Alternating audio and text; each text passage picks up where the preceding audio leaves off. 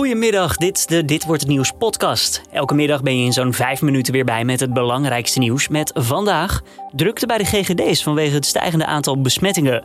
Nederland mogelijk op rood of zelfs donkerrood op de reiskaart. En de huizenprijzen stijgen weer naar een nieuw record.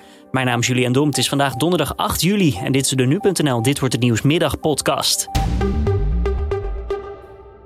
Maar voordat we naar het nieuws gaan, eerst even een rectificatie naar aanleiding van onze podcast deze ochtend. We hadden het daarin over een landelijke staking in de kinderopvang. Nou, het ging niet om de gehele sector zoals gemeld werd, maar om een staking onder FNV-medewerkers.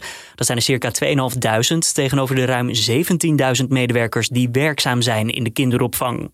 Dan nu het nieuws van deze middag. Het is hartstikke druk bij de teststraten, dus de GGD schaalt op. Het is zo druk dat niet iedereen meer binnen 24 uur getest kan worden bij de dichtstbijzijnde locatie. Ook stijgt het aantal positieve coronatesten snel. Goed nieuws is dat dat nog niet terug te zien is in de ziekenhuizen. Het totale aantal opgenomen coronapatiënten is namelijk gezakt tot onder de 200. Ze zijn ongeveer gelijk verdeeld over de IC en de verpleegafdelingen. Met meer coronabesmettingen hier kan Nederland wel rood of zelfs donkerrood kleuren op de reiskaart. Reisbrancheorganisatie AVR legt bij de NOS uit wat dat betekent. Stel dat het rood zou worden, valt het nog wel mee. Dan moet je eigenlijk dingen doen die je nu ook al doet, testen of gevaccineerd zijn. Maar stel dat het donkerrood zou gaan worden, dan krijg je te maken met eh, quarantaines. En daar zijn we natuurlijk helemaal niet blij mee. Hou je dus aan de coronaregels, zodat de zomervakantie niet verder in gevaar komt. Mensen dekken zichzelf al wel in tegen nieuwe maatregelen. Vakantieparken in ons land krijgen namelijk steeds meer last-minute boekingen binnen. De huizenprijzen blijven maar stijgen. Dat blijkt uit cijfers van de NVM.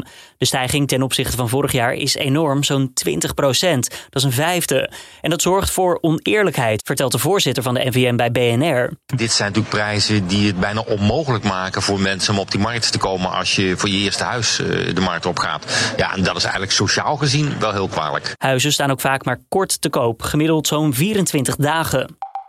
Louis van Gaal als nieuwe bondscoach van Oranje. De KNVB is vertrokken naar Portugal om daar met hem over te praten. Dat meldt de NOS. Hij zou namelijk de ideale man zijn, zegt ook Oranje-watcher Martijn Krabbedam bij VI. Het is natuurlijk niet zo ingewikkeld. Je moet straks in korte tijd uh, belangrijke interland spelen. Nou ja, je hebt niet heel veel kandidaten. Dus op zo'n moment moet je gewoon de beste pakken die beschikbaar is. En ik denk dat Vergaal dat is. En dan kun je zeggen, hij is 70 of hij is 69, 71. Ja, leeftijd doet er toch niet toe. De KNVB wil graag een ervaren trainer die het Nederlands elftal naar het WK van 2022 in Qatar gaan leiden. En Vergaal staat op nummer 1 op het wensenlijstje van de voetbalbond. Hij wilde er zelf nog niet op ingaan.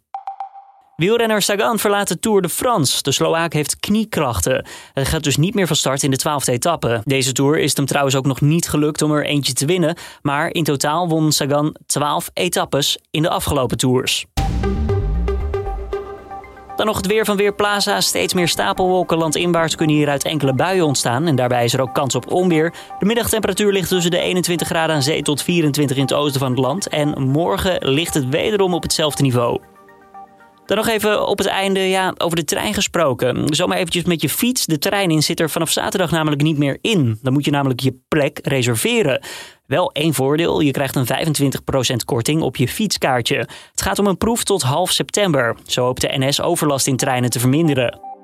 En dit was hem dan weer, de Dit Wordt Het Nieuws podcast van deze donderdag 8 juli. Tips of feedback zijn altijd welkom. Kan je even sturen naar podcast.nu.nl. Mijn naam is Julian Dom en ik wens je voor nu alvast een fijne avond. En morgenochtend is Frits er weer met het nieuws van Dan op nu.nl.